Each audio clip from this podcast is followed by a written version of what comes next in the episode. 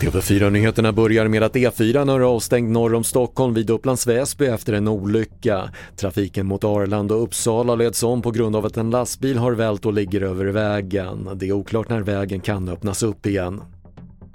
EU erbjuder gratis covidvaccin till Kina för att stoppa ett massutbrott i landet, det rapporterar Financial Times. EUs hälsoministrar samlas imorgon för att diskutera eventuella åtgärder som svar på utbrottet efter att Kina avskaffat de flesta restriktionerna under december.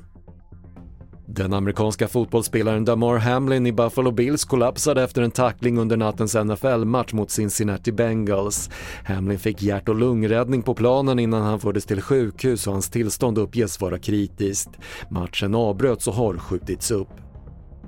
Omkring 60 000 köade och tog igår farväl av tidigare påven Benediktus vars kvarlevor ligger i Peterskyrkan i Rom fram till torsdag då begravningen sker.